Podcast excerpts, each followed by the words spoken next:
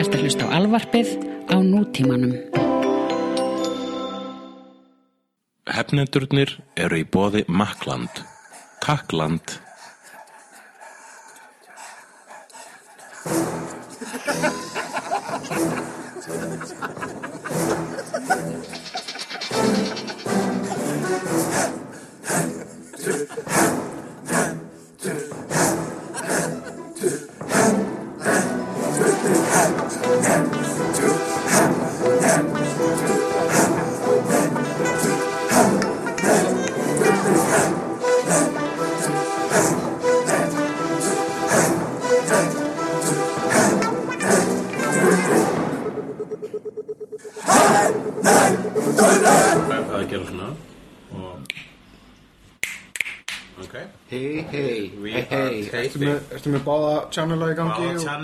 Gangi, motherfucker Ég hef aldrei eftir að láta þig gleyma þig.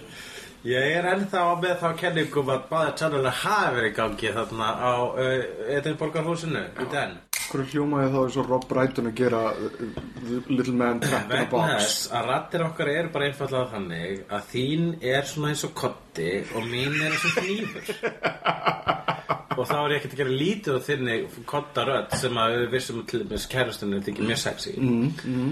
en, og ég persónulega þegar ég er að hlusta á þættin okkar þá er ég bara svona djöðl er ég mikið eitthvað eins og marsbúi og massataks og meðan þú ert bara eins og eitthvað ég veit ekki og þetta er svo hérna, Barry White ef við tökum, ef við tökum the, the two extremes. The two ex Já.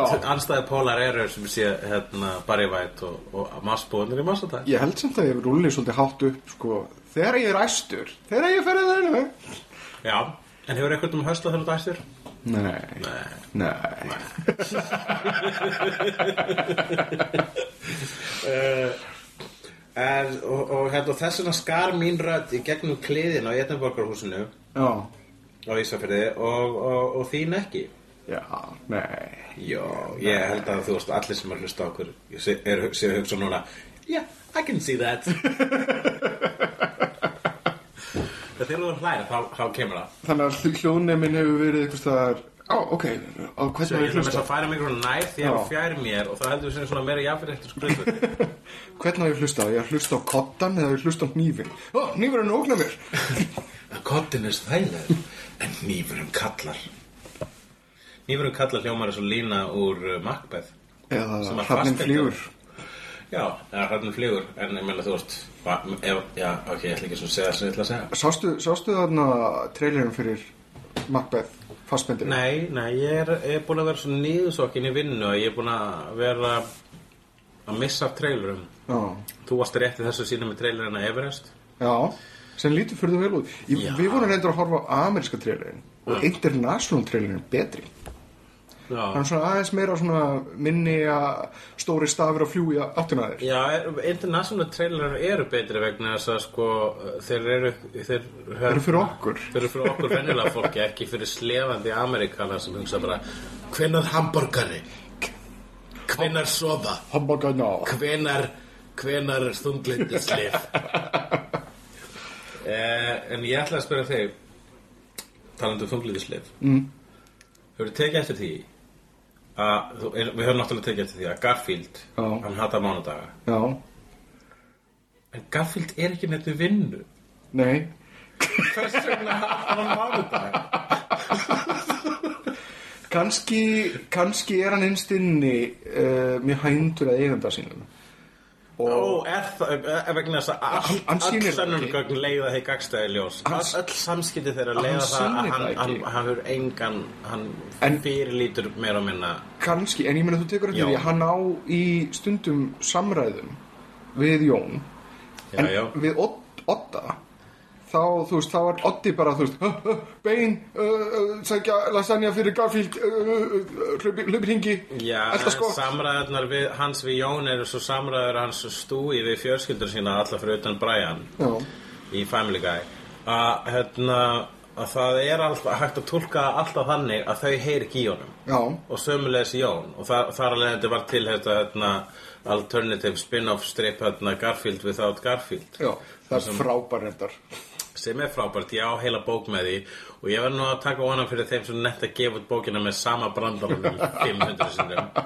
En konceptið er gott og listaverkið er gott. En ég meina, ok, gangum við frá því að, að uh, Jón fyrir vinnuna á mándögum og þá situr hann eftir og, og jafnlega þótt hann finnist eigandinn sinn heimskur kjáni sem hefur ekkert fram að færa. Já. þá er hann ekki alveg jafn svona vitgrannur og, og, og, og óörfandi og oddi Já, en men, hvað er það með mánudagsmófna að gera? Já, ég meina þá fer Jón í vinnuna. Og, Þá er hann já, einn eftir heima. Það er hann ekki með neitt að tala við, ertu að segja, ertu að Bara er, er það þín instant kenning? Um Þetta er- ástæðan yfir þegar Garfield eða Þetta Gretti er átakunlega saga um einmannleik hatar mánudagir vegna þess að hann saknar Jóns. Já, það þykir mér alveg frekar fjárstæðikend ég, mér finnst það góð kenning að aðtiklisverði það minnsta. Hugsaðu um það, þú ert en lokarinn í ég, ég tanki. kaup hann ekki vegna þess að ég bara á bátt með að hann sakni Jóns. Ok, ég meina, þú veist, fólkið í lífi Garfield eru Jón og Oddi svona 96% tímans. Já, svo er svona bleika kissan í næsta húsi. Já, og síðan N- Normal eða hvað hann heitir hérna? Allt og fullkonni kettlingurinn Já, hann hattur hann. Já, þannig að þú veist, við erum að tala um sætu Síðan fór kísuna svo fjögur ár í það að hann, Jim Davis var að skrifa brandara um uh, Garfield vs. Kongulær Já. sem var, svona, ég bara, er hann að missa viti þessi, þessi höfundur Ég veit ekki hvað hann gerir mikið lengur Ég held að hann sé einn af þessum gæjum sem að auðvitað til dæmis uh. Gary Larson og Bill Watterson Já. þá gerði hann ekki sitt eigið stöf hann bara einfallega setti stílinn og er rak Hann- síðan eitthvað mídíaveldi En hann hefur náttúrulega væntalega gert sitt fyrstu stöf í fyrstu skrifunum. Já, já, já.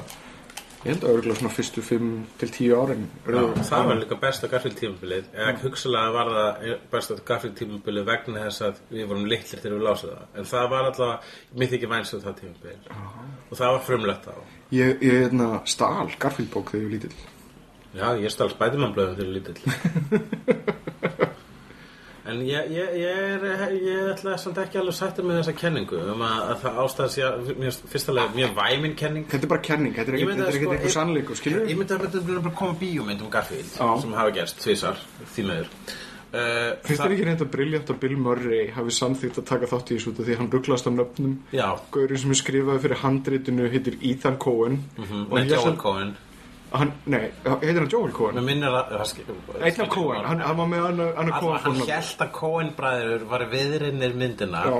og verandi uh, sérveitur sem Bill Murray er þá er Bill Murray nefnilega hérna, þekktur fyrir það að hann er ekki með agent hann er bara Mhm. með símsvara og uh, þannig að bara hei, við erum með þetta og og með Garfield, við talum við Garfield og hann fengið upplýsingar að senda á e-mail og bara já, byrju hérna Joel Cohen ó, ok Mhm. og svo hefur bara eitthvað svona einhver alnafni hans og þess vegna var hann fastur í tvær myndir Já, af Garfield. Bara vegna þess að hann miskildi, hann las villust, hann tjekkaði ekki á því. En hérna hv- Hvað sem þýliðu, það er vissilega skemmtilegt. It's a, it's a very, uh, very good uh, sto story from Hollywood. Já, en Garfield einn og einmannleiki En hans. segir svo svo að komið með þessi bíómynd Eitthvað bíómynd með honum, ný, reboot af Garfield 3 Og Og, og, leyndadómurinn er Hvers vegna hata Garfield mánudaga? Og ef að það verið síðan í lokin Myndi komið ljósa að það er vegna þess að hann saknar Jóns Þú vil myndi kasta tómötum á hvítatjaldi þá. Ég held þú myndi gera það hvort þið er, skilur Já. þetta, Ég held mér að að þetta væri eitt af plottunum sem myndi ganga upp í Garfield-seríunni. Já, nei, hvað minnur þau? Garfield-kvikmyndunum, hefur þú horta á þær? Nei Ég hef hort á fyrstu og svona cirka 20 mínútur. og, og slökti svo. Já, ég, ég, ég, ég let mig hafa það að horfa á fyrstu. Þú ert líka avid hate watcher Ég, ég kann að meta drasl.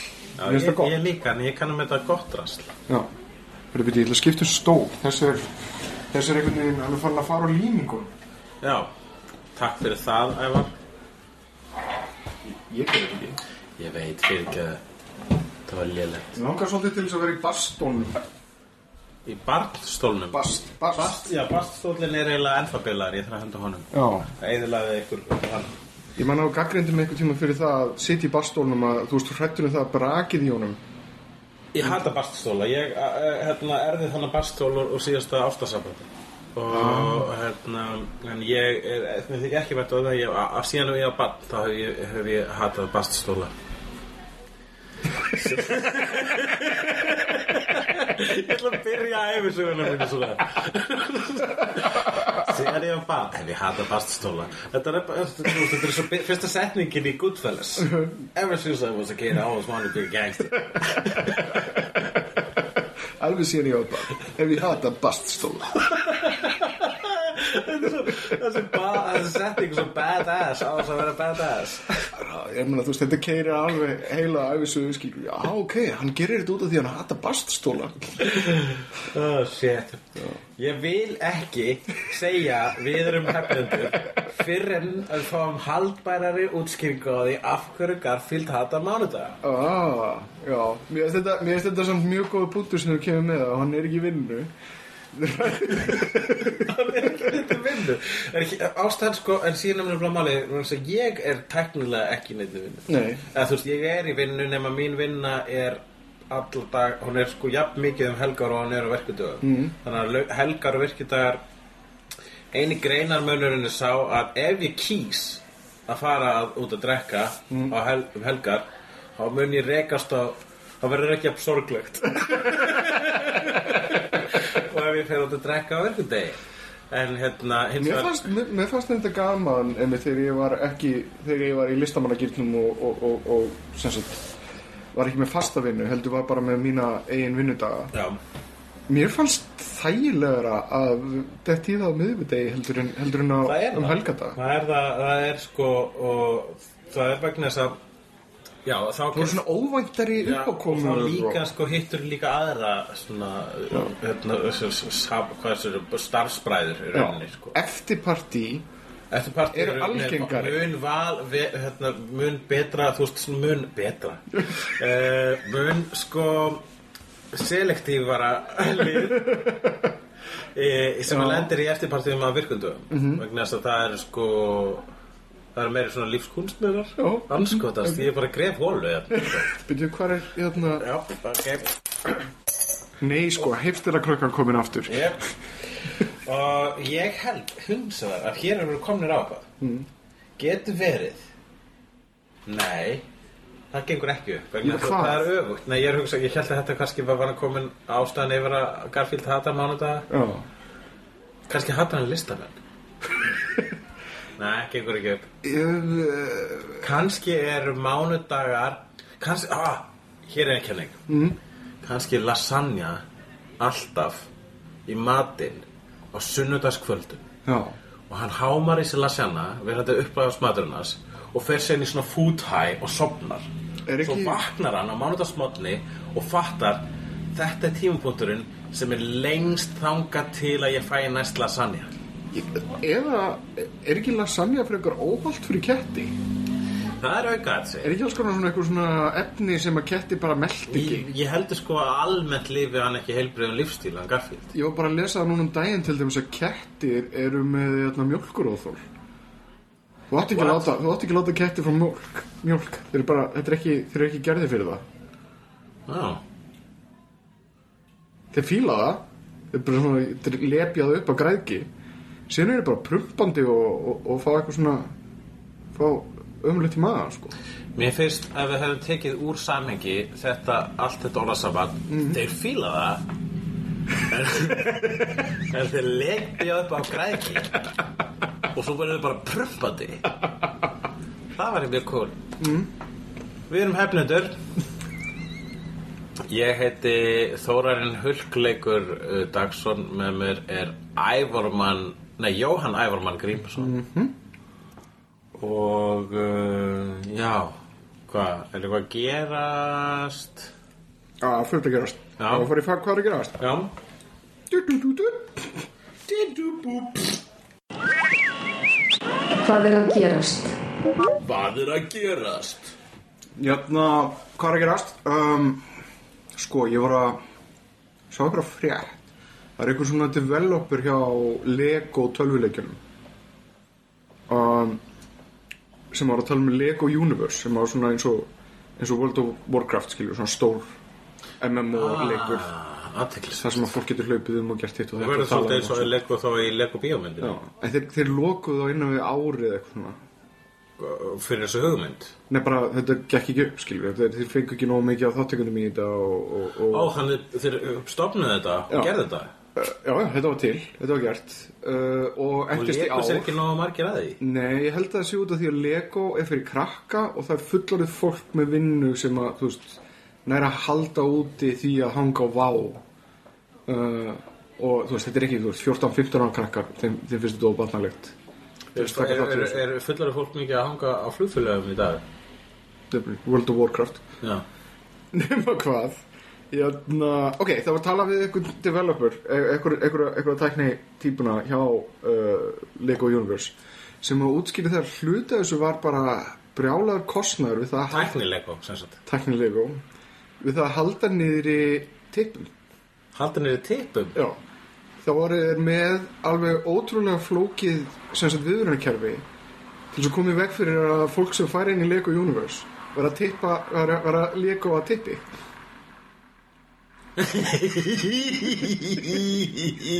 Þetta tók mér tvær sekundur Ok, þannig að halda neyri tippum. Ég veistu það að þú, ef, þú, hérna, varst of lengi Þú varst alveg eðlulega fljótur að koma þér efninu En á þeim stuttum tíma sem þú varst að koma þér efninu Var ég byrjar að hugsa, var bara, ég byrjar að hugsa að það var fullt af barnaperrum að loka sig inn á Aha. á Lego Universe og nota Lego Universe til þess að, daðra við lítil börn. Nei, en, en, en á, á sama tíma skilur þú veist, þegar þú ert stöðut að byggja eitthvað legotippi sko þeir voru að, þeir voru með eitthvað svona þeir voru með fullt af mennskum aðilum sem þurfti að tjekka á alla heima. Já, ólíkt sem sagt ómennskum þetta, þetta var svona eins og Minecraft skilur þú ert með eitthvað heim og þú, þú legoar þar eins og, eins og vindurinn. Og uh, fólk sem var að skrá sig inn hérna var svo rosalega duglegt við það að finna sniður leiðir til þess að lego á tippi. að hérna Þú ert að orðasamband Það er bara kveikið í ykkur innan með þér. Að, hérna, þeir þurfti að búa til eitthvað svona mennska gátt Já. til þess að skoða allt saman handvirt bara þú veist, ok, skoða hvern heim, tjekka hvort það er þessi tippi. Já. Þannig að, þeir gátt ekki þannig að þetta var bara rosalega dýrt operation að halda þessu við. Vegna þess að þeir voru með þessa skipun ofan það með ekki vera neinn tippi í þessum leik. Já Sem talsmaður tippa finnst mér að frekar orðislátt Mér vegna að það sem ég hugsaði fyrst mm. Fyrst áður en ég byrja að hugsa um barnaperuna Þá Þá uh, þegar þú varst að halda nýri tippum þá heldur þú að tala um kynjakvota að það voru of mikið af köllum Já. á Lego en það er svo sem, þú veist, hérna uh, var svolítið sam, uh, vandamál, það er í öllum tölvuleikjum er of mikið af köllum Já, ég fælst alveg á það, þetta var svolítið loðið orðalag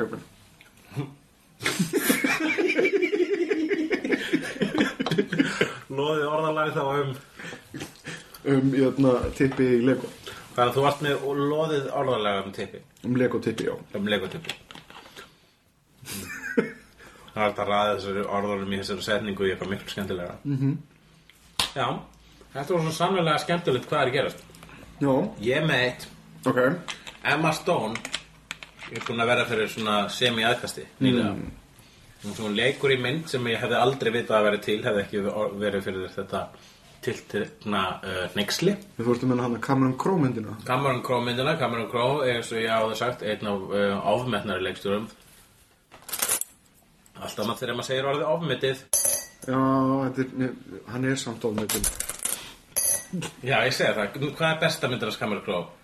Ég held Almost Famous og það er aðalega út af flugulatriðinu og Tiny Dancer söngnum Ég, ég er bara 100% samanlega um að það séu einu, tvö góða atriðin þeirri mynd. En, uh, nei, alls ekki, það er margt gott í þeirri mynd. Phil, hérna, Philip Seymour Hoffman er í henni, það er margt gott í henni. En, en límið, sko, það er, það er fullt af góðum atriðum í þeirri mynd en er, hún er límt saman af tilgerð. Skrifaði hann ekki handritið að, jötna, hvað hétur myndin hann með Sean Penn. Uh, já, hérna, Fast Times at Mountain High. Já. hann gerði það og það er skemmtileg mynd. En hann leikstýrir henni ekki. Nei, Emil Heckerling leikstýr henni. Já, En hérna uh, um, Ég myndi segja besta myndin af Cameron Crowe sé Vanilla Sky og það er endurgerð á spænskri mynd. Já ég, ég bara blankaði í bíó meðan ég horfði á hana. Ég, ég, ég get ekki sagt fyrir mitt litla líf hvað gerist í þeirri mynd. Uh, Ég hef ekki einu svona séð Jerry Maguire Cameron uh, uh, hún, hún hérna Já, Cameron, Crow? Nei, hinn? Ha, Cameron Leikonan? Leikonan Cameron Diaz Sam- Cameron fú. Þetta er erfið, þegar að tala um Cameron Crowe þá gleymum við hvað Cameron Diaz heitir. Já, Ég man bara, þú veist, það Já, ég ætla bara að segja að Cameron Diaz segir setninguna I swallowed your cum við Tom Cruise í þeirri mynd. Já, ok. Sem er bara svona eitthvað moment sem að ég hérna, hefði virkað betri að segja frá upphátt hefði ekki verið svona lengi að hika við að segja Cameron Diaz og svo núna byggði ég upp momentið þetta átti bara að vera svona eitthvað sem ég segði hjá ekkum á undan því að ég segði að það er fínasta mynd. En, uh, en Cameron Crowe er ekki sérstaklega að neina öðru leiti Manstu til dæmis þetta er singles? Já, ókvæslega leiðilega Róla fínt soundtrack fyrir, fyrir svona þetta er bara svona 90s Fyrir Pearl Jam tímann. já, þetta er State of Love and Trust með Pearl Jam. Það var herrst lag. Síðan gerði hann Pearl Jam 20 hérna Tvítur samhælis heimildamindina Já, ok, hættu að horfa Internet Movie Database. Og uh, Singles var svona mynd sem að var svona uh, þjónaði svona svipur um kultúral tilgangi og reality bites. Hei, hann Það gerði segja að það var mjög Hann gerði Say Anything. Ég veit það, það, það er mynd sem að mínum að þetta er sökkar sko. mm. sökkar. En, uh, en það er margir ósamar með það. Uh, þetta singles og reality bites eru að svipari hillu hvað var svona kultúral eitthvað svona relevance mm. nema að reality bites er allavega ennþá entertaining að horfa á því að þá segja þetta hlæja henni af uh, röngum ástæðum Já En, hann var að leikstýra, hann kamur að prófa, var að leikstýra nýla mynd sem heitir Aloha, sem er romantíska mynd sem gerist á uh, Hawaii. Og í henni leikur Emma Stone uh, stelpu sem að er af, uh, fjórð, fjórð, fjórð, fjórði hluta Hawaii á að vera, já, til Hawaiisk. Já, Og þetta hefur orðið fyrir mikill í gaggrinni vegna þess að hún er rosalega arísk. já. Og, uh, og, það, og það, það var bara, þetta er búin að vekja miklu umræðu. Þetta er eitt af þessum momentum þegar sko bara þessi mynd er hérna, það óhefinn að lenda í á akkurat þessum punkti í einhverju svona ólgu. Vegna þess að myndir þar sem að fólk á ákveðnum etnískum uppruna leikur meina- allt annan et, etnískan uppruna.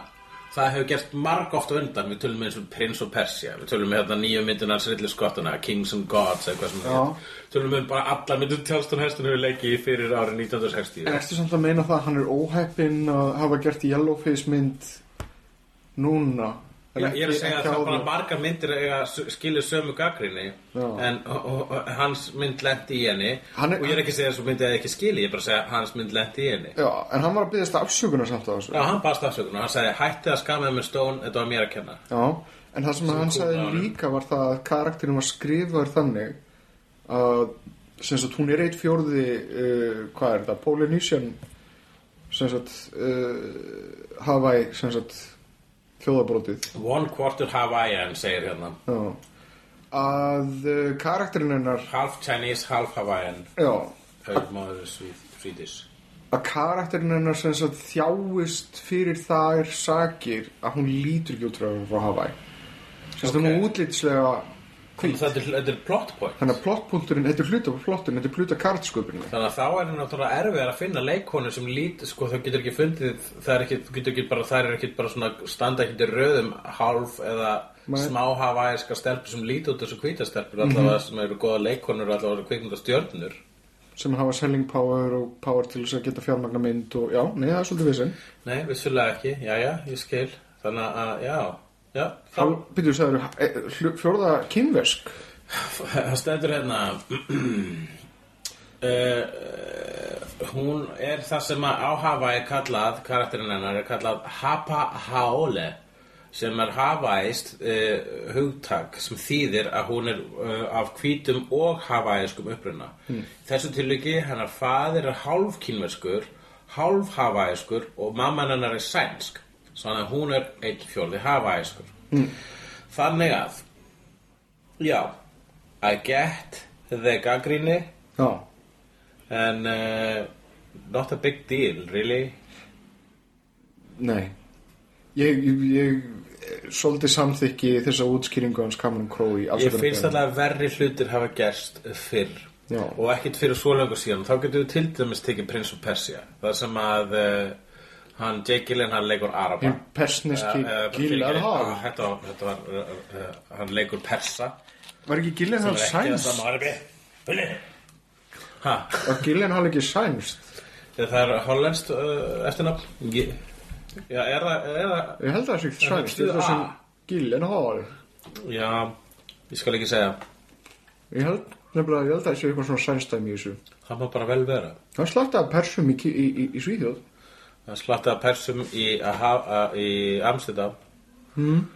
og ég vissum að sé líka slattið af uh, hálfutum í sitt hvort landur sem segja það er alltaf ekki að persum hérna. Hver var að leika mótunum? Var það Emily Blunt eða eitthvað svona?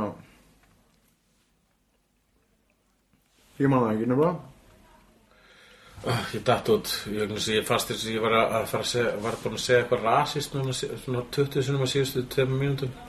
Ég veit það ekki, nei, Nei. ég held ekki. Já, ok, ég er bara paranoid. Já. Já. Þetta er alltaf leið Já, gott. Ok, hérna, hvað hva var að segja? Er einhver, Emma, já, Emma Stone er, hún hún er leikur í myndinni. Nei, þú veist að Gyllenhaal. Ég veit ekki, þú veist Gemma Arterton leik hann á mótunum. Já, í, í hérna, Prince of Persia. Já. já, já. Og Ben Kingsley sem er svona einhvern veginn go to allra þjóða Hann er góð kveikindi og hvíti gaurin sem á að leika menn af uh, einhverjum hérna, austrænum uppuruna Já Er hann ekki samt eitthvað svona pínu indvest í honum? Eða Pakistans? Ég bara hef ekki flettið upp. Anyways, já, Já, ekkert sérstaklega áhugavert. Nei, þessi mynd er svo óhóverð Já, það, það er kannski það sem ég óttast mest. Er það að, nei, veistu það ég óttast það ekki. Ég á ekkert eftir að horfa þessa mynd frekar en hínur Plagatið er mest boring plagat allar tíma mm -hmm. Þú með meira, hvað er að gerast? Ég er með fullt.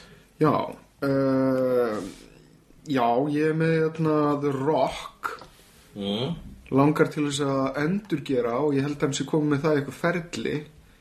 Uh, kveikmynd John Carpenter Big Trouble in Little China Já, sem er mikið æsku uppáhald hjá mér.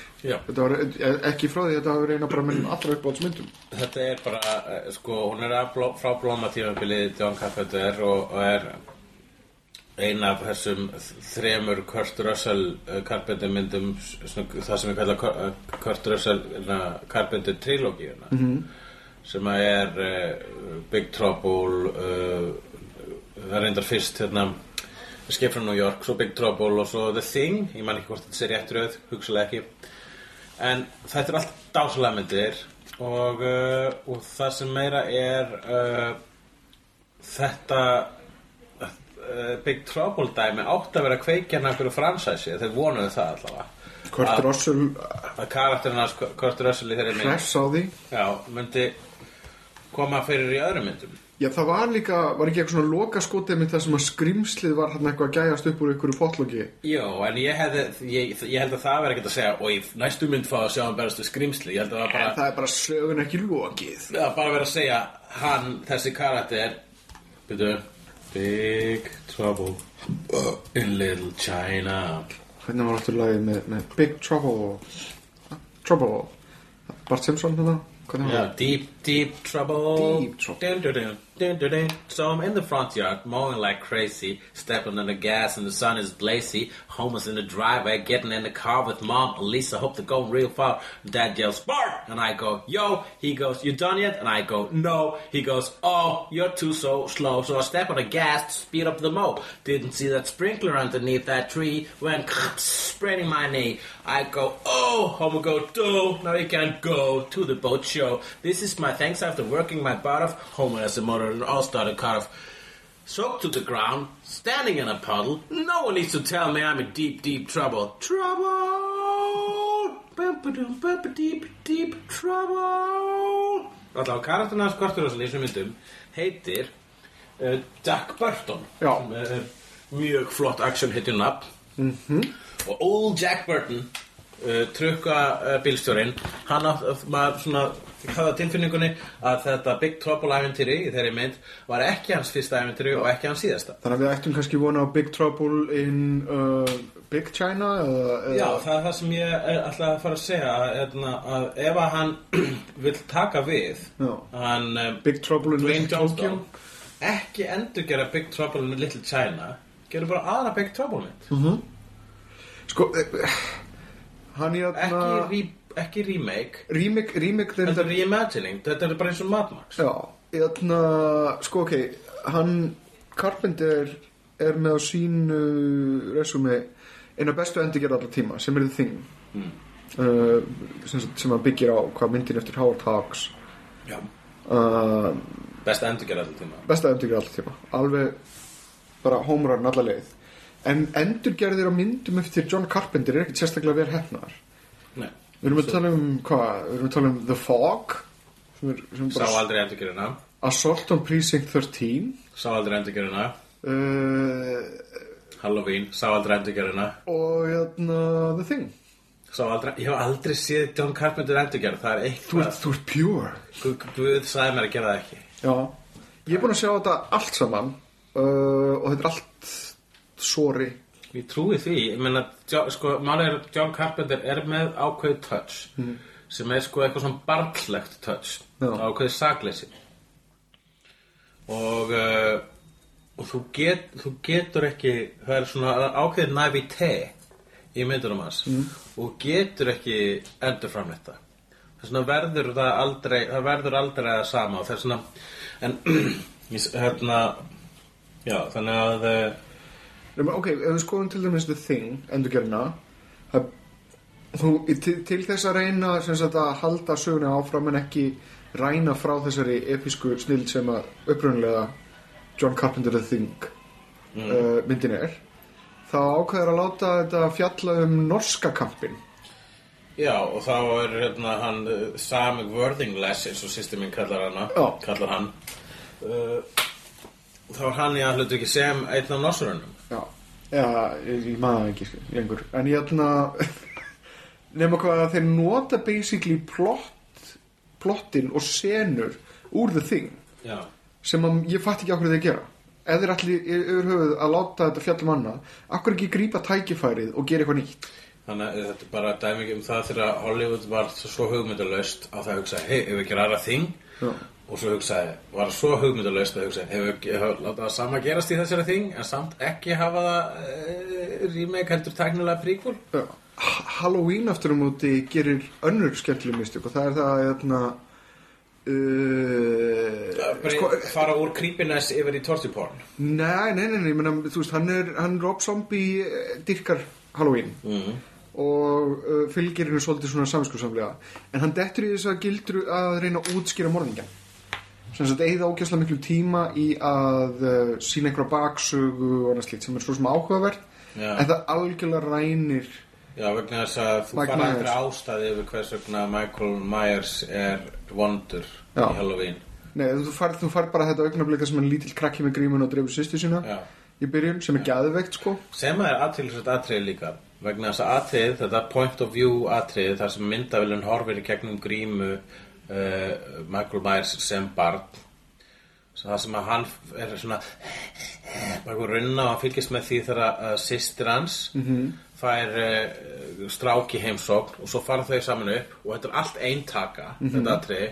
Og hann eldir svona upp og svo stuttur setna þá kemur hann úr herberginu búinn að ríða. Það eru svona 10-15 sekundur búinn að líða þá getur hann fór inn millir þess að hann fór inn og eftir hann búinn að að það þetta er lélegasti elskugi í heimi. -hmm. þannig ég held að hann hefði átt að drefa hann. Það, ekki sýstu sína, sem hann gerir síðan. Og svo fer hann upp Hæli vombriðum á einu kvöldi. Svo fer hann upp 15 sekundur og litli bróðu dreifu Já, vonbriði og svo fer hann upp og hittir sýstu sína og hún er eitthvað What are you doing, Michael? Og svo sjáum við það sem að sko hann fyrir stingur hana mm -hmm. nema myndavillin svona fer upp og við sjáum bara hnífin fara neður Já, sáum aldrei að hann stingast í e, sýstruna nema myndavélina er point of view drengsins sem þýr að meðan hann er að stinga sýstu sína og horfir hann svona upp á dramatískan hátt eins og hann sé að narreita ein point of view bíómynd um sjálfa sig. Eða, eða bara meikar ekki, me- meikar ekki að sjálf verknaðin Já, bara, ó, ég meik ekki horfa á þegar sýsti mín er dreipin Það er maður sem draf sýstu sína Engar sér frábært atriði. Það er bara mjög tveir, skemmtileg mjög uh, skemmtileg mjög tveir gallar á þessari mynd síðan, síðan er það The Fog remakeið Já Bara ekki það, alls ekki Hérna, ok, nú ætla ég að koma með lögin úr hérna þessum myndum uh, Þetta er það Úr hvað úr hvað bíómynd, úr hvað John Carpenter er þetta hérna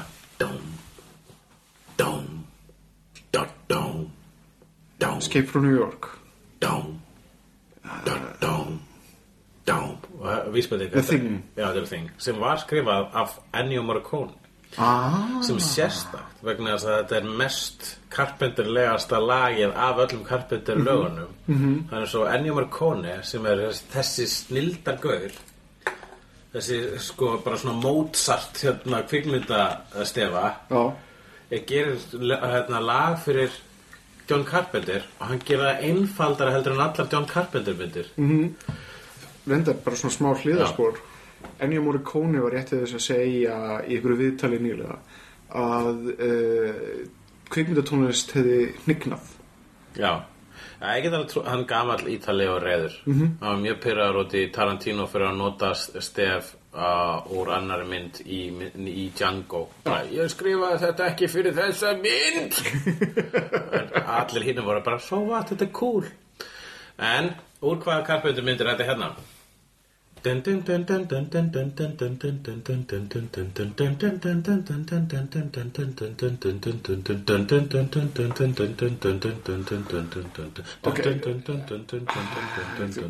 er ekki með nóg gott tónir til þess að muna þetta. Þetta er The Fog. Þetta er The Fog. Já, og þú veist náttúrulega hvað þetta hérna er þá. Já, Halloween Ok, en hvað er þetta hérna?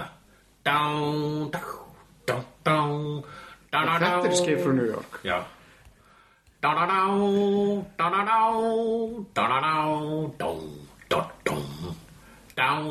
En síðan sko, er hérna í lokin á Big Trouble Little China.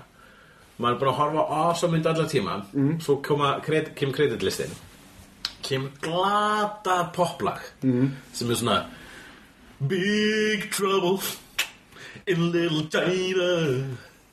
Big Trouble in Little China. Og svona, svona þú veist, eins og 80s poplag nefn lélægra já, ég var síðan að horfa aukaefnið á, á Big Trouble disknum mínum. Kemur ljós að þetta er fucking John Carpenter og ykkur vinir hans og þeir leika mér í ykkur svona ógstað leim myndbandi þar sem þeir eru eitthvað svona að spila á kítar og eitthvað. Og þetta er bara John Carpenter og félagar að reyna að vera popstjörnur. Ertu búin að hlusta það, það, þetta er það naivete sem ég er að tala um. Já, hann er, hann er að skemmta sér hann er að gera þetta ánæginu vegna. Ertu búin að hlusta á hérna Vortex? Hlutuna sem var að gefa út hérna, með stefum fyrir bíómyndir sem hann er ekki ennþá búin að gera? Nei, hlaka til. Þetta er geðvikið diskur. Það er alveg drullu góður fílingur mitt í sinþa stefunum sem hann, hann, hann semur sko. En, já, síðan er ég hérna Assault on Precinct 13 Já, sem er frábær bíómynd uh, upprunlega ógeðslega góð og intense það sem að það er hópur aukurum þrjótum sem er að ráðast á lauruglustöð uh, þarna þá reyna þær að flækja þetta með ykkur plotti. Já, það þetta séu ykkur svona róglöggur og bla bla bla sem að sem að verður bara weird. Já, það er eins og fatti Það er bara skiljanlega Það fattar náttúrulega framleiðendur ekki hvað það er sem að leikstur að gera rétt. -hmm. Þannig að þeir bara, ok, þú gerði svona mynd Þá gerum við svona mynd aftur við hljóðum að gera En fatt ekki að veist það sem gerði upprunlega myndina var leikstjórinn. Vissulega eins og við höfum rætt uh, oft þá ger, er endurgerður oft mjög góðar. Já. En það er vegna þess að þá er einhver ótör sem sér um að endurgerða þær. Ég var akkurat bara að sjá eitthvað viðtalið við hann hérna, við gæjana hérna í, í, í Sunny in Philadelphia mm. þar sem að þeir eru byrjað núna að framlega eitthvað efni fyrir Showtime, nei, fyrir FX uh, þá eru þeir að sjá um að framlega og þeir voru að tala um í endurgerður og svona. Þá vilja þeir ekki kaupa bara endurgerðina og reyna að gera hana. Þeir vilja fá kreatífu talentan á bakvið endurgerðina. Eða ba bakvið uppröðunlegu vegna þess að það er magicin. Ekki í Já. efninu, Nei. heldur í þeim sem gerðu efnið. Það er það sem var til dæmis að gerast við Evil Dead endurgerina mm -hmm. En það hefur nú eins, og, eins og með já, Það var endurgerð sem að bara hérna bara var með frumlegar hugmyndir. Svo, þú og Cape Fear hann Scorsese það var náttúrulega Scorsese sem gerði hana uh, og það er alveg hægt að taka eitthvað sem þú elskar og gera það jafnvel ef ekki betur svo lengi svo þú bara gera það ekki eins. -hmm. og þetta er bara þú veist, þetta vegna þess að þú veist, þegar raunin er svo að uh, hérna, það er ekkert nýtt undir sólinu og það er hægt að segja söguna um mjallkvíti á, á marga vegu eins og allavega var gert síðan nýla þá var sagði mjallkvíti sagði tvisvar sama sumarið. Já, eða bara einfallega, þú veist, Hamlet. Hvað er til margar útgáður á Hamlet? Nákvæmlega. Uh, Lion King bæði við, besta útgáðan The Rock allar sem sagt líklegast til að leika aða hluturkið já, um, einstilni ég er samt pínu til í þetta. Ég til í það, en eins og ég segi, það var bara fínt að vera eitthvað annað en þú veist, okkur lætur hann bara ekki tekur bara Jack Burton og lætur hann lendi í öðru æventýri. já, Við þurfum ekki Chinatown æventýri aftur vegna þess að það er, það er fullkomið. já En vissir þú eitt, nei, hvað, að Marvel er búin að vera svolítið sneaky og furðulegt upp á síðastu. Það er að segja merchandise deild Marvels. ok, ertu að minna fyrir utan það að ekki hleypa Tjælingum í, myndina. já, Já, ég er ekkert að tala um það. Ég er að tala um það að uh, um,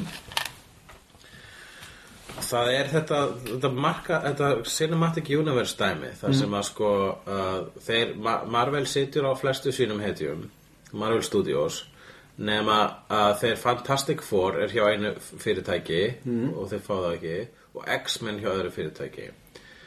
Og núna er maður byrjað að sjá sko bóli ég sá til dæmis ból mynd af ból þar sem var hérna frækt cover sem var utan á Secret Wars frá 1985 þegar X-Men Fantastic Four og Avengers berjast saman gegn öllum vonduköllunum í Marvel Universe á einhverju plánutu í fjarska. Mm. uh, og þá er sjáuðu sko X-Men Fantastic Four og, og Avengers saman á einu coveri, ett gefið cover Nú er búið að prenta ból með þessari mynd nema er búið að fjarlæga X-Men og Fantastic Four karaktera og setja inn bara eitthvað svona aðra Avengers karakter inn. Really? Já, og þetta er byrjað að gerast á öðrum bólum og öðrum svona merchandise. Ég vissi að því að það var eitthvað risastórt plaggat þess að við settu svona alla karakterina Já, og þá voru þið búin að hreins út Mutants og, og, og Fantastic Four. Já og, og þetta er líka þessi rúmor. Ég er ekki, ég er ekki búin að fylgjast með þessu nýja Secret Wars. Það sem Secret Wars er þetta nýja event komikið ég ætla bara að byrja að lesa um leið og ég kemst næst í Nexus. Þá er það stefn sumi segja að eh, Marvel Universe muni breytast að eilifu eftir þetta. Marvel Comics Universe meðal annars muni sko í Ultimate Universe og Earth 616 blandast. Earth 616 er þetta Marvel heimur sem búin að vera gangi frá upphafi.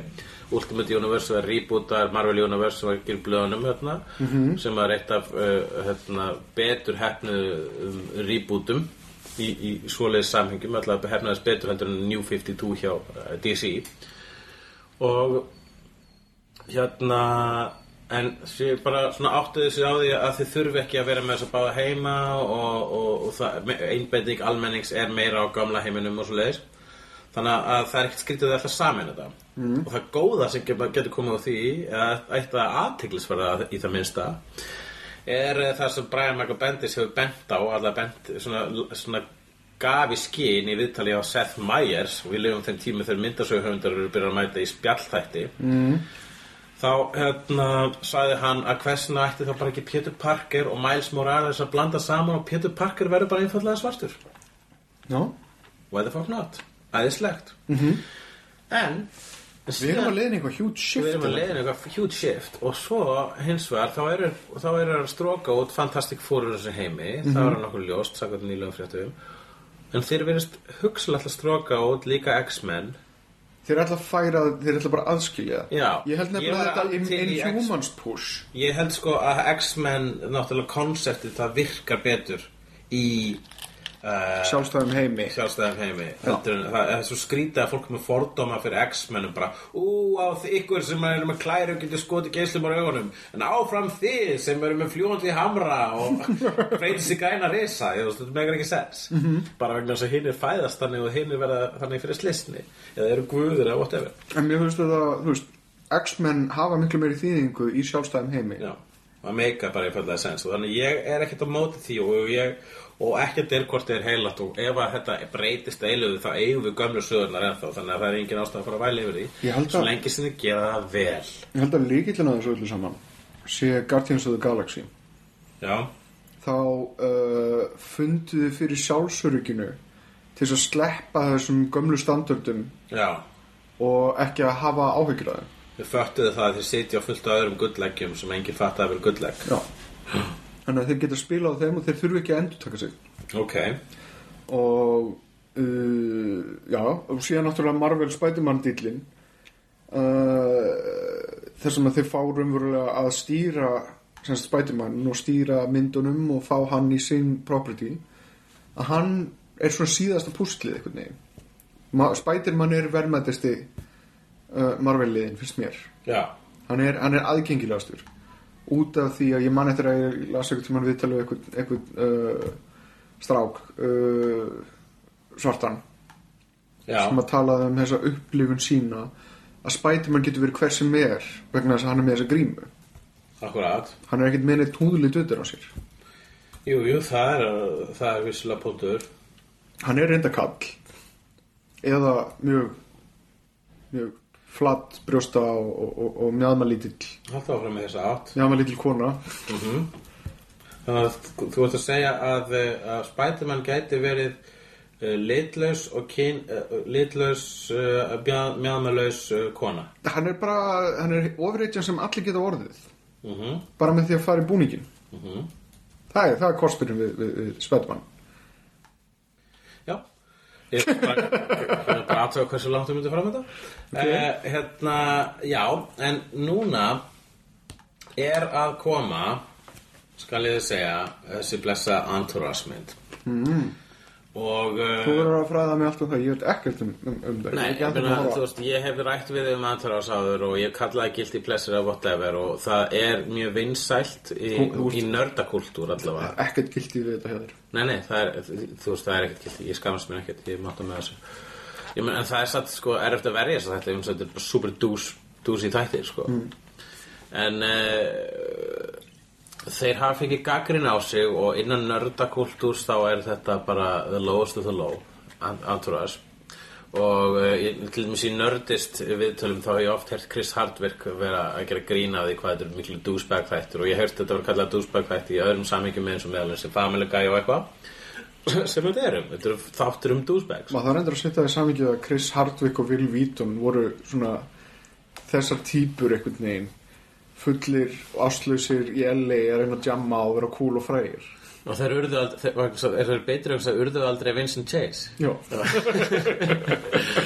Alla, en við, sko málið er það að ég var að lesa grein nýlega það sem er að tala um það að, að hérna að e, það, það var til dæmis hvort það var einhver grínisti sem að hérna sagðist allir fyrir góðgera stað sem hann ætlaði actually að horfa á Androids myndina ekki einu sinni heldur tvisvar. Mm. og hann safna á smugli peningi já, gerðu það. Og meðan annars held ég hérna, Gauris leikur Turtle í Androids með þess að styrta því og eitthvað svona. Allt í góðu gríni. En það er alltaf svona hérna, fólk er mjög mikið að dissa að þetta mm -hmm. það var bent á það í grein sem ég las að Silicon Valley eru anti-entourage. Þau eru anti-rage. Já, vegna þess að sko hérna entourage þættinni eru allir um það bara svona að bara, ó, ég er úkislega fræ kvikmyndastjarna. Ó nei, ég fekk ekki að leika í þessari mynd. Og svo enda þáttur hann að hei, ég fekk að leika í myndinni. Svo næsta þætti ó, ó nei, ég, mist, ég misti að partinu ég misti að hlutverkinu minni þessari mynd ó, ó, nú fekk ég bara hlutverkinu eða betri mynd. Allt er awesome, ríðum hot gælum og reykjum gras. Og það er bara svona, þetta er alltaf winning já. Og hérna þættin eru stórkuð og skemmtilega enga síður vegna þess að bara góður húmórum og Ari Gold hérna, er æðislu karakter. -hmm. það er eitt sem að en, en það, það sem gerir sko uh, Silicon Valley að uh, anti-anturas er það að þeir eru ógislega ofta að tapa. Alltaf. Já, alltaf að tapa. Og þegar þeir, vinna þá er þeir búin að vinna fyrir því. En þegar fólk er að vinna í Antras þá er það bara, bara svona heppið vegna þess að þú veist það er kvikmyndastjarnar En það er enda alltaf einhvern veginn eins og þeir vinna þá eru þeir ekki að fá verðlaunin, þeir eru að fá lúsaralaunin Já, Þeir eru alltaf, þeir, þeir eru alltaf að reyna að gera eitt en þurfa síðan að sætta sig við annað. Þetta er hinn vinnandi maður sko. Já, og það sem er er uh, um, En þetta er, veist, þetta er, þetta er besta besta grínefni í sjónvarp í dag. algjörlega.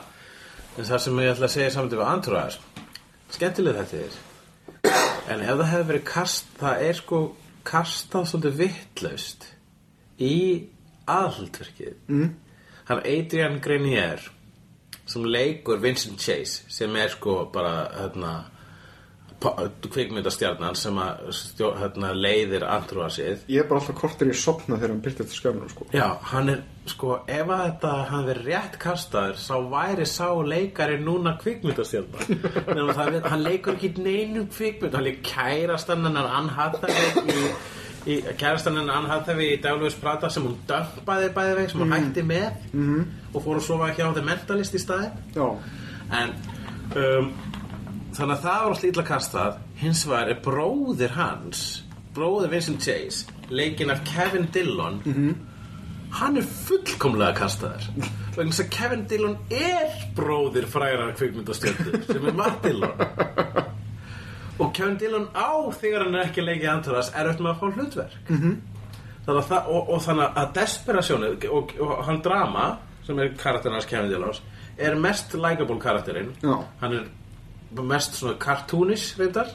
En þú hérna, heldur með honum og þú sérð örvæntinguna augunum hans vegna þess að hún er alvöru örvænting. Leikarinn Kevin Dillon þegar hann leikur drama þá sérðu það skína í augum hans bara svona please ekki vera cancela eftir þessa þáttur please ekki vera cancela eftir þessa þáttur. They're gonna take my thumbs Allavega, ég fíla að tröss af uh, öllum réttum og raungum ástæðum með hlaka til að sjá myndina og, uh, en ég mun ekki reyna að verja hana á neitt nátt Já, En þeir ætla að rýbúta ákveðinu fransessi sem misætnaðist á sínu tíma? Nú, Já.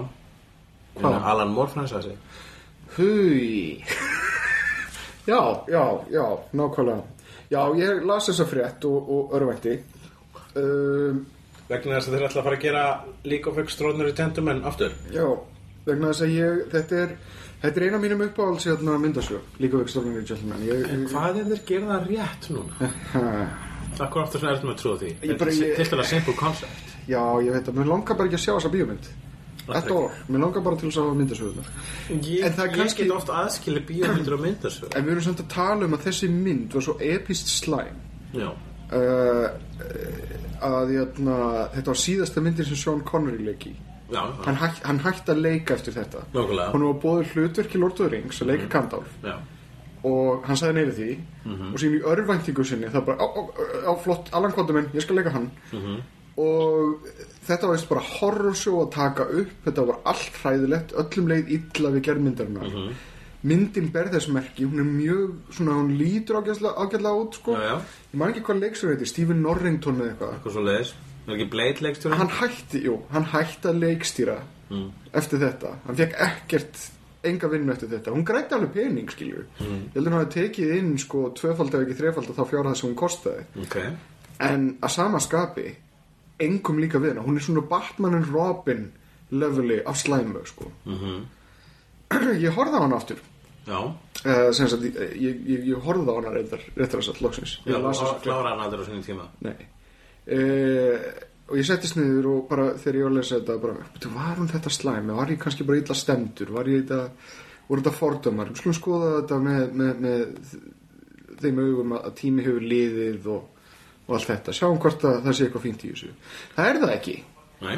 Þetta er hræðileg kvikmynd. Já. þetta er hræðileg, hræðileg kvikmynd. Ok hún er tilgangslaus uh, stefnulaus uh, karakterlaus.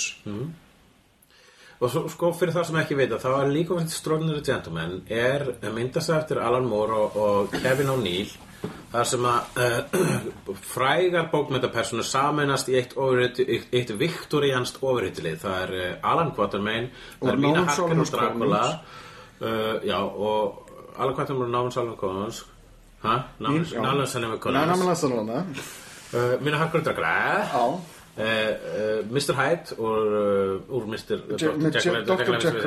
Jekyll og Mr. Hyde saman, já og Ósili Marun úr hérna eins og Rebellia Byrjus er Man Já, sem hefði þurft að breyta nafninu á í myndinni vegna þess að ykkur annar áttur réttin Já. já vegna þess að líklega Universal. Universal skuldum kók og, uh, og, og, og svo var viðbótin sem var ekki bókin eða þessi Dorian Gray í þetta sem ég fannst vera creative viðbót þeir bara gerði ekki nógu vel úr henni. Tom Sawyer. Og Tom Sawyer var síðan tróðið í þessari mynd sem er ekki myndið sem hún var tróðið þarna til þess að það væri einhver amerísku karakter í myndinni. Sem er fyrsta merkið þess að mynd sökkaði. Þannig að konseptið var bregðast gott. Ég reyndi að búa til einhverja, ástasögu þarna eh, við uh, mínu harkar já, já. og eðilöðu þarna bjút, eina mest beautiful ástasögum í, í, í einmitt sjálfu uppálegu Já, þegar Alan Quatermain og mínu harkar byrja saman og Alan Quatermain er að sleikja uh, sárið, uh, vampíru sárið á mínu harkar Mhm. Já, já. það er mjög erotíst og svo ekki sem minnst að það sárið hennar er bara hreint í þessari. Hún er, og hún er komið einhver svona ofurkrafta ofurvampírukrafta. Já. Já, ok, en sko hvað, hver eru líka kaptinn- Það er ekki eins og Stephen Norrington sé að fara að endurgera þessa mynd. Nemo Captain líka Já, já, hann er á kaptinn náttúrulega, hann er Og- uppáhalds karakterinn með Norrisu Já, En það er ekki eins og þú veist, hva, hvað svona akkur, þú veist, það að gamla myndin slæm er engin rauk fyrir því að nýja myndin verði það. Sko meina þú það er ekki nóg með það að þessi mynd hafi hrakið uh, sem sagt, þessa tvo menn hann á fæinum. Sean Connery var hann gamall, who cares? Uh, láta það leggja með til hluta en þetta var upphafið að hatri Alan Moore á Hollywood og bara algjöri þverri neikvæðin hans. Hann fekk þess að tvennu skilur þá líka Extraordinary Gentleman og From Hell Já. sem er bara þú veist er subbuleg þú veist kúkaklessa á, á arfleið jafn snildarlega gert verk held og, og, og svona From Hell. þegar að segja að Alan Moore hefði hatað hvað sem er. Reyndar, reyndar, hann er grömpi gæi sko. Mhm.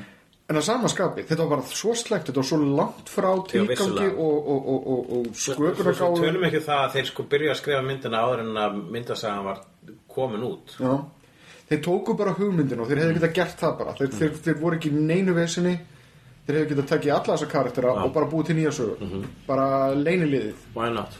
uh, og þú veist framkvæmt sína ógeðslugu fóstureyðingu á, á, á kvítatjaldinu einhvers þar annars staðar? Líka á Extraordinary Gentleman eða LXG eins og var auðlýst mm. svo hörmung þar segja bíómyndin kom áður en að uh, blómin í nördavorunni byrjuði að dafna. Áður en að nördamyndin eru postmoderniskar fyrir Dark Knight er- fyrir Guardians of the Galaxy hún er samt í uppgangstímanum. Hún er í uppgangstímanum. Mm, Valla ég meina ef við, ef við lítum á Blade sem byrjunum á þessu þá er hún, kemur hún í kjálfæra á Hún er henni starthólunum og það var marga slæmi myndir sem komið þá. Já. meðan Blade uh, 3 hún er hvað 2003 eða eitthvað slags myndin, Lík já. Já, er hún alveg, mér fannst hún vera eldri. En ok. En það er satt, Hvað ef að Hvað ef að líka fyrir Strónari Gentleman bíómyndin verður góð? Nýja. Hvað þá? Verður það ekki bara gaman? Ég veit það ekki, ég veit ekki hvernig maður veg- að sjá þetta. Já, þú veist, en við getum þú Bókin verður alltaf bókin. Bókin verður alltaf dásanleg ég, Ég, ég, meina, ég, er svo einu af mínum uppáhalds ofriðu sögum er Captain America hérna, Runners Ed Brubaker. Mm.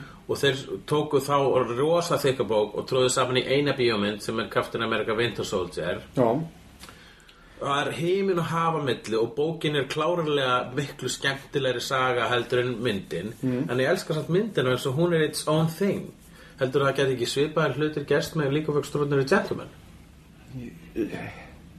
eða ertu bara Ég svona bara- nei, þetta er ekki Alan Moore. Þú ert að tala við brent barn og spyrja, langar til þess að, snerta þetta uh, appelsinu þarna heita Nei, ég er að benda á alltaf Ég er að benda á hérna uh, Vistvæna ljósaperu. Vistvæna ljósaperu? Ekki- Ég er ekki að benda þar á Arineldin Já, en það, ég, ég fæ samt skilur bara, það, fæ flashback og svona óþægenda tilfinningu og Ok. ég bara, ég hræðist þetta. Ég hræðist þetta einlega Ég bara held sko, konseptið er það gott að það er hægt að gera þetta vel. Mm. og það hefur nú gerst oftar en einu oftar en tvisvar og oftar en þrísvar að eitthvað sem mishefnaðist í fyrstu atrinu hefnast þvílíkt betur í næstu atrinu eða þú veist, við tökum bara Batman myndina Batman Robin og síðan liður nokkur ár og svo kom Batman Begins. Mm -hmm. Þetta getur gerst. Þetta getur gerst, vissulega og hefur oft En Það væri ekki æði. geta ekki bara látið í friði? Já, en meina, þú sagðir uh, daginn að þú væri alveg til að sjá From Hell gertu rétt. Já, ég var í forvitin að sjá eins og What það hefur verið talað um. Já, þar sem að það er, er, er dekka miklu meira. Mm, Já, ég veit það ekki. En sko, það er svo From Hell er það er símaskrá og virkar betur sem sjóaserja en líka fyrir Stróðnir Gentleman til þess fyrsta bókin struktúrin er heil bíómynd mm. Já, en þeir eru með Manchu og þeir þor aldrei að fara í þessa skemmtilegu hluti sem að það gera bara þetta það er bara fínt það er frábært og spennandi. Nei, það er bara frábært að þau gera ekki það sama Ég meina- og í bókinni Já, Ég meina, ef þau myndu fara að copy-paste þetta bókinni þá hefur bara annað Watchmen on our hands sem er bo- bæði Watchmen er mynd sem ég fíla ég fíla hana bara vegna þess að ok, þeir fóru safe leiðina fyrir nördana og gerðu bara liða meira og minna nákvæmlega sama að gera ég hef ekki getað klárað að horfa Watchmen aftur. Ég er búin að horfa alveg tvis og þrisvar sko. Já, Ég, ég, ég átta mig alveg á göllunum hana og ég fatt að fólk eh, er ekki að fíla stælina Zack Snyder en ég finnst bara svona ok, þetta hefði getað farið miklu verð mér finnst tegna sér ekkert að henni fyrir utan kannski að uh, mér finnst leiðilegt að þið skildi hafa farið þessa afstöðubreitingu á overhitjum að það séu raunverulegar overhitjur en ekki bara fólk sem valda að vera, í sem það er, fram að augnablikinu þar sem að hérna, Manhattan Dr. Manhattan byrtist og sagði nú er alveg overhitja Hvort við, það er, það er nákvæmlega sama Já, ég veit það, en þeir eru, þú veist, með ofurkrafta og, Þeir eru ekki og, með og, ofurkrafta Þeir eru með ofurkrafta, þeir eru all, allir svona furðulega sterkir og, og Já, það er bara við- stælar, það er stælar alveg svo í karatemyndum. En fólk í karatemyndum er ekki með ofurkrafta Ég hef samþýtt að hluta til þessa skýringu að þetta sé verið þá að nota í staðan fyrir sem sagt Golden, Gold Age, sem sagt Comics Já. að þá Ég verið að las nota, aldrei að nota þeir væru- overheadju bíómyndir sem, sem, sem svona uh, job of punt Já, en ég las aldrei í myndmáli Watchmen myndarinnar að uh, Night Owl eða Silk Spectre væru með ofurkrafta. Þeir eru bara með bíómyndakrafta. Já, Þau kýla og fólk flýgur nokkra metra. Það er, þú veist, ekki er Jack uh, hérna, Reacher ofurhetja þó að hann þegar fyrst að lemja það í komídíinu barinn hann í byrjun þá var það, það var eitt nefahögg að taka einn bar í sundur auðveldlega og það er, veist, það er bara ofurmannlega kraftar. Það er alveg hægt ef maður er nú að þjálfaður í bardagíþróttum Nei, Jú, nei. Jú, samkvæmt mörgum bíómyndum. Samkvæmt raunveruleikunum, nei. Já, en þetta er ekki raunveruleikin Já, ég veit það, en ég vildi óska að þeir hefðu farið raunsæri leið. Já, þú vildir óska að fara raunsar leið en þú getur ekki sagt að þeir voru ofurhetjur vegna þess að það sem þú sagðir ekki, þeir eru ekki Nei, ég hefði viljað hafa sem sagt svona down to earth overhitju I get that, Venjulegt fólk sem klæði sig í búning til þess að berja sig Ég er 100% sammála og það er það sem ég var að tala um að ég skil að fólk hafa lá- látið stælana hans Zack Snyder fara í töðunar og þetta eru stælanir hans. En þetta er ekki, Ég það er ekki sagt í myndinu að þeir séu með ofurkraft. Ég held að þú sagði stælun hans að, að, að þessi, árátt hans að fara alltaf í slow motion Ég er líka að tala um það En þetta eru sko stælar, þetta eru kvikmynda pimp Já. Þú veist, í miljón myndum þar sem að fólk er, karakterin er ekki með ofurkrafta þá lítur út eins og sem ofurkrafta en það er bara til þess að pimpa upp myndina mm. og það er nákvæmlega það sem var að gerast í þeirri mynd og gott að blessa, þetta er hans stíl en, eh, og, og rauninu hefði að þjónað upprunnulega sögurnars Alan Moore betur hefði látið hérna, raunsæið vega á móti Dr. Manhattan og Overpowerinu Það er það sem gefur þessu dramatísk Ég power skil það, en ég bara skil, þegar þú sagði þér þetta með sko að þeir varum með ofurkrafta þá tók ég því bókstallega. Ah, ok Allavega, er, Jötna, myndir þú vilja svo Fight Club musical? Já, já, ég er alveg til í Það það er rúmar í gangi með það sé að fara að gerast. Það er komið, ertu búin að kíkja á myndasöguna? Palahniuk, Já, það er koma, já, það Fight Club 2, Fight myndasöguna Club, Club 2 er komið myndasögu eftir Chuck Palahniuk. Ég veit ekki hvort að þetta sé í einhverjum issueum eða, eða Það hvað er komið, er issue til að byrja með. Já, Þannig að ég held að ég sá mér þess að issue nummer 1 bara í Nexus um daginn. já Ég er svolítið stressaður að lesa þetta Ég, ég hef alltaf verið hrifin á Chuck Palahniuk Stressar að lesa, ég- stressar að lesa Rassinu Kim Kardashian Ég hérna datt út úr Chuck. Palahniuk Já, ég datt lítið dætt úr liðið Ég datt líka úr honum. Já. Uh, Já. Ég datt úr honum, Ævar. Manstu þegar ég las hérna smásöguna á Haunted? Já, það var mjög æðislegt moment. Þegar ég og þú Okkur taumur er boðið heim til Pétur Sjámagata mm. Og hann á heitan pott Og hann segir, setjumst í heitan pottin Og ég bara, ok, komum. Og svo förum við þangað.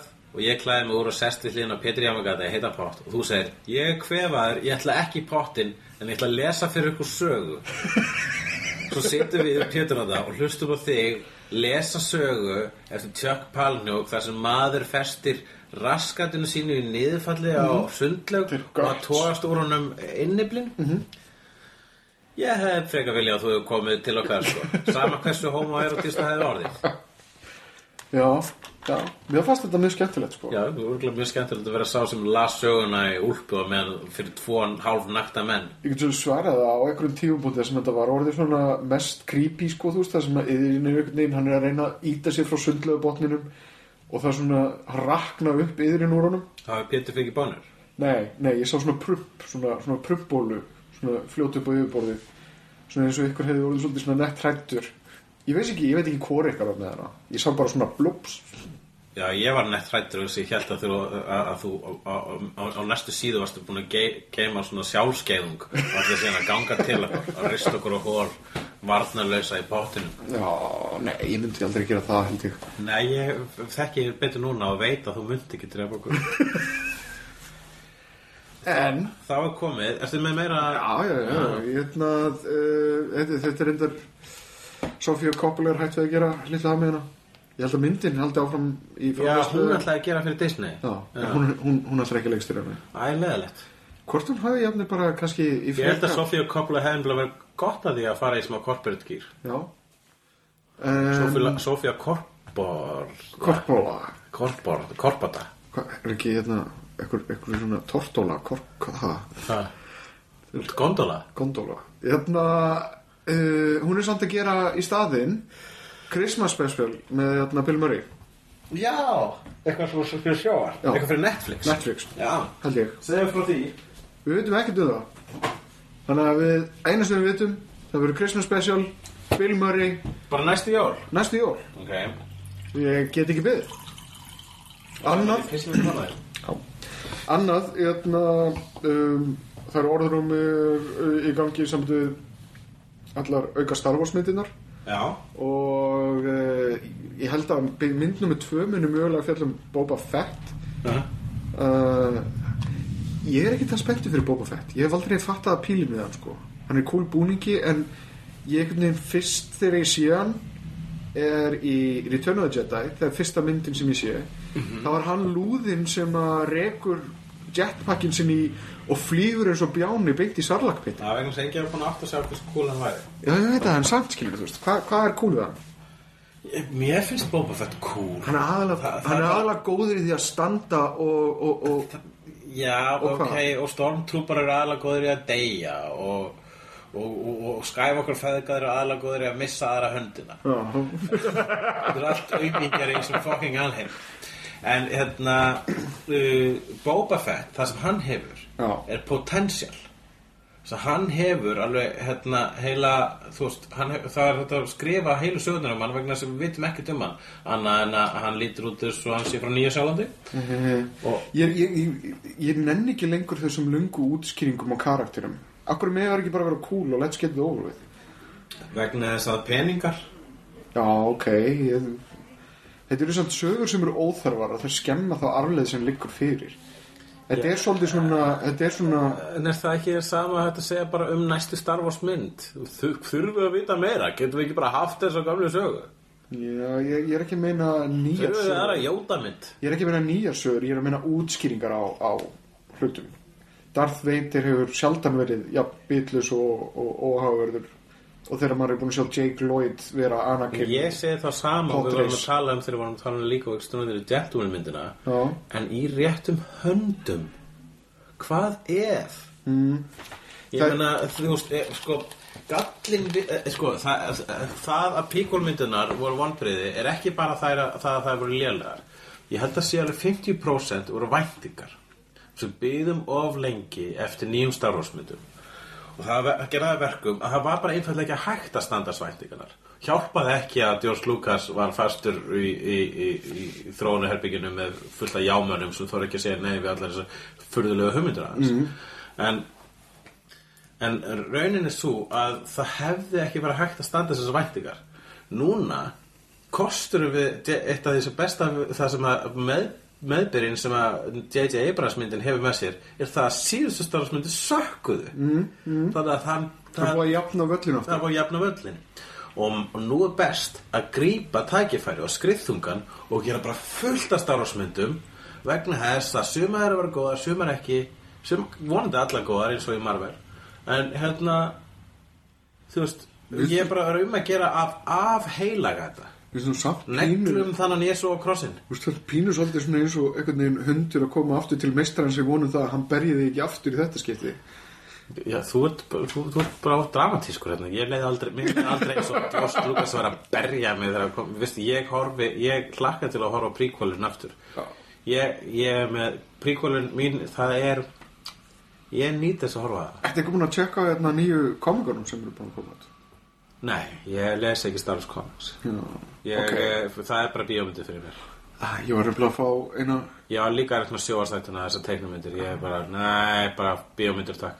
já, Ég var að fá eitt svona skemmtilegt revelation um eitt líkil karakter uh, og reynu komikinu Mm. sem mist ógeðslega gott Já. uh, og ég hef ekkert a- annað samengi heldur bara myndina sjálfa Já.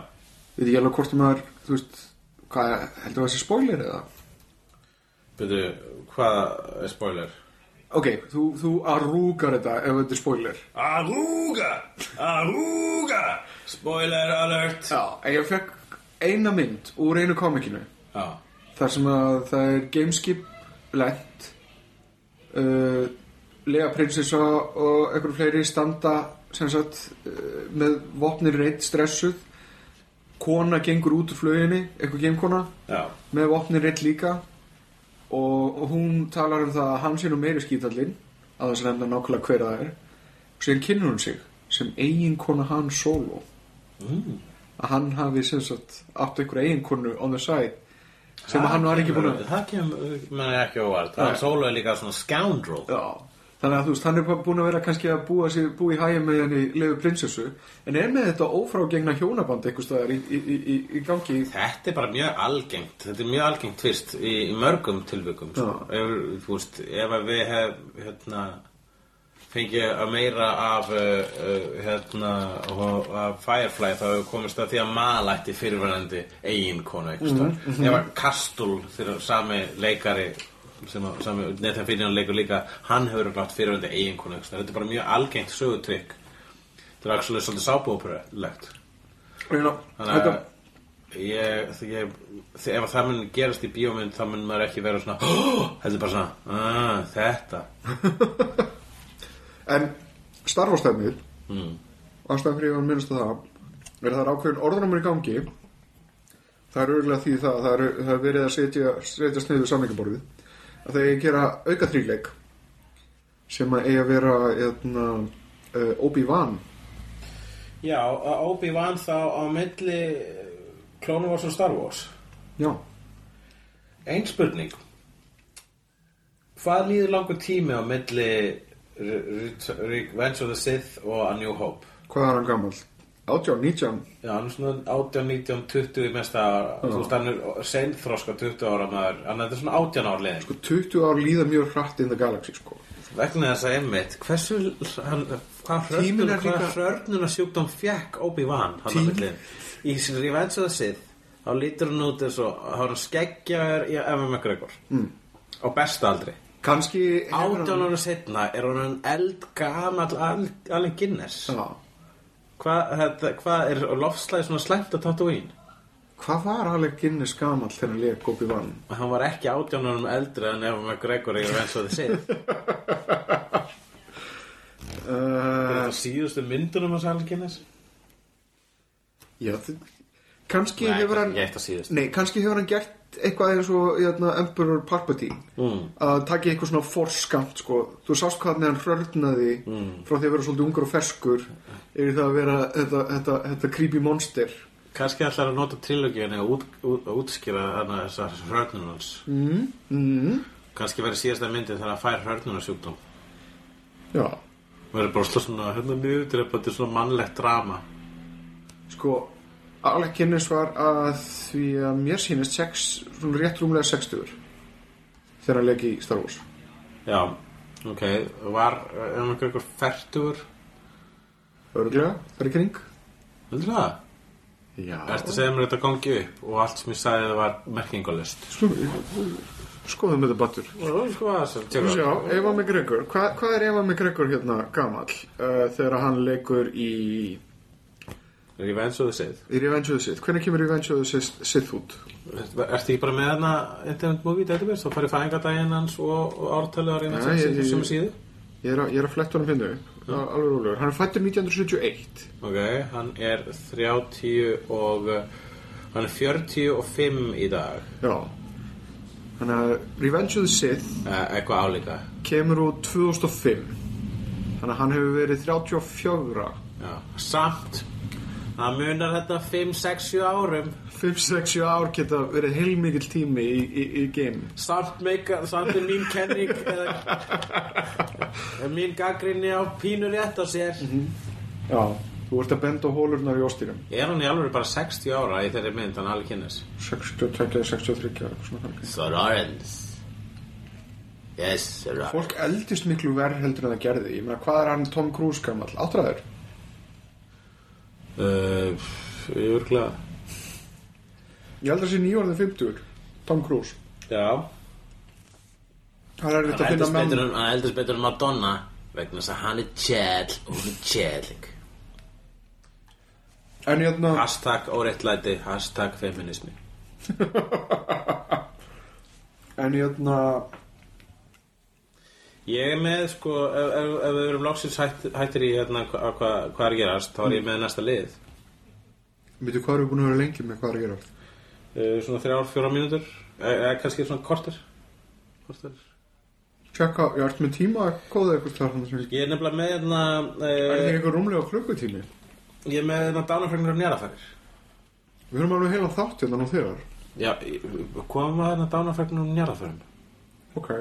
og njárafærum Ok Dánarfregnir og njarðarfarir. Dánafræknir og njárafærir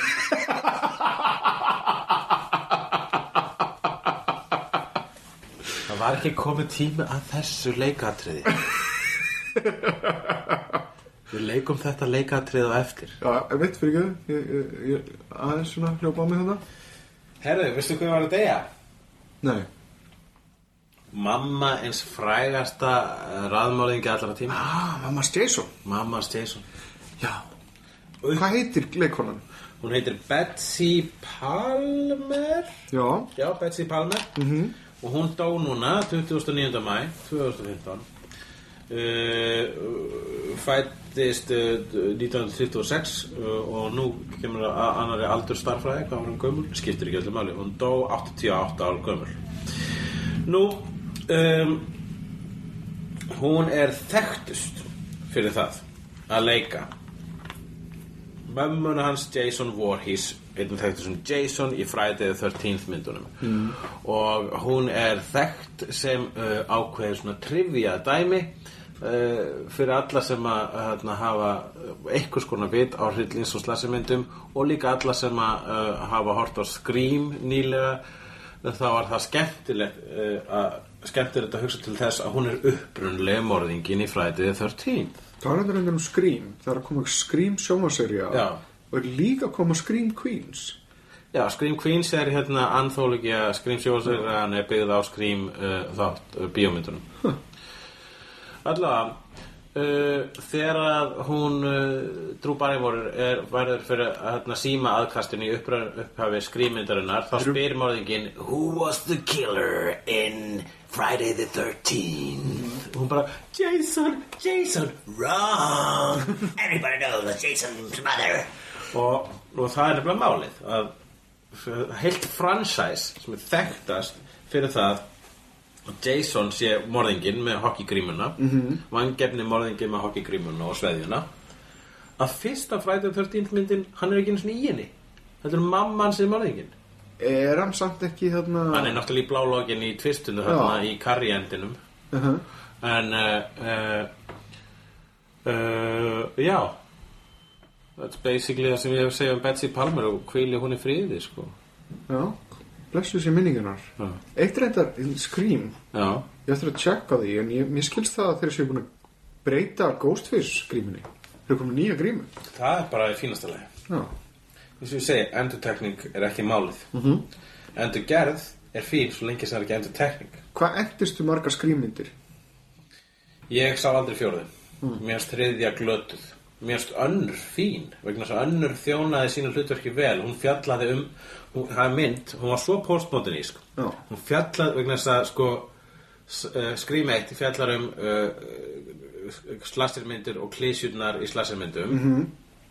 Scream 2 fjallar um slasirmynda framhöld og, og, og er umræða í gegnum alla myndina um hvað hérna, framhöld eru aldrei betri en fyrsta myndin -hmm. og Scream 2 er ekki betri en fyrsta myndin en hún má það vegna svona um það hvað tvö myndir er ekki betri en fyrsta myndin. Og svo það sé ekki algild regla. Og sem kemur svona meta hringrásin þegar Scary Movie sem er grínmynd um sem er sem sem fjallum sem hryllingsmyndir. Gerir grín af Scream, já. Og það sem meira er að Scream átti fyrst að hitta Scary Movie. Já. Var það ekki þar sem að Anna Faris kom fyrst fram á? Anna Faris var alveg í örugglega fjórum eða ekki fimm uh, Scary Movie myndum. Já. Uh, Anna Faris er eitt af sóðustu hæfileikum Hollywoods. Hver veit nema hún fái uh, aðeins meiri eðna, aðeins meiri aðtekli í gegnum Chris Pratt Ég er nefnilega ágjörð að Chris Pratt bara segja henni upp. Hann er offrægur fyrir hana. Hann er svo hress á Það er að tale as old as time, a song as old as Til right tiltölulega nýbakaðir foreldrar. Já. Ég veit það vegna þess að hún var að segja því. fóreldrar skilja oft. Þau skilja oftast að barnið er tveggjara Ah, Ég skil þig Mhm Mhm Mhm Mhm Mhm Mhm Mhm Ef Jaws var í sassy black svona sassy svört kona þá það svona Mhm Mhm Mhm Mhm Ég held samt að þetta skiljast ekki nema að sjá svipinara með hann Ég veit að ég var að dilla hausnum eins og svört kona mm -hmm. Úff Ég held ég sé búin að segja alla fimm rassiska hluti í þessum þætti. Já. Ef við núna taka litla leik þáttin Já, ok. Hvað erum við eiginlega búin að vera lengi að taka upp hana þátt? Við erum búin að vera alveg heilang klukkutíma og einhverjar mínútur. Hvað, við erum ekki svona kominir á málefni dagsins, Ævormann við, Ég held að við séum konu með heilan þátt. Hvað þá? Þurfum við þá að halda áfram með þáttin í næsta þætti? Ó nei. Er þetta í fyrsta skipti sem að Það er framhald. Framhaldsþáttur hefnenda. Dum, dum, dum. Mér finnst þetta við að enda meiri cliffhanger. Ó, ok, endum það meiri kliffangir Já um, Hvað ertu með í höndina, Ævar? Ég er með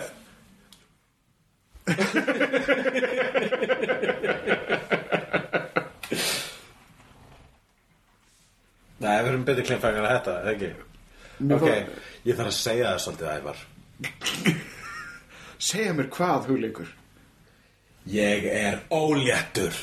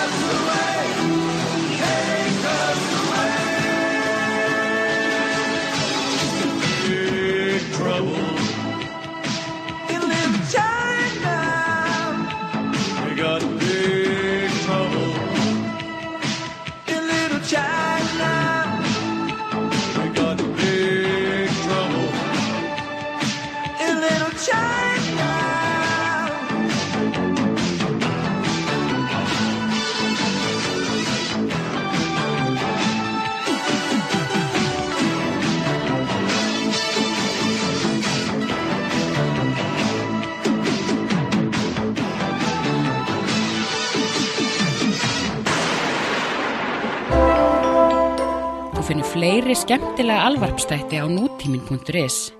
Takk fyrir að hlusta.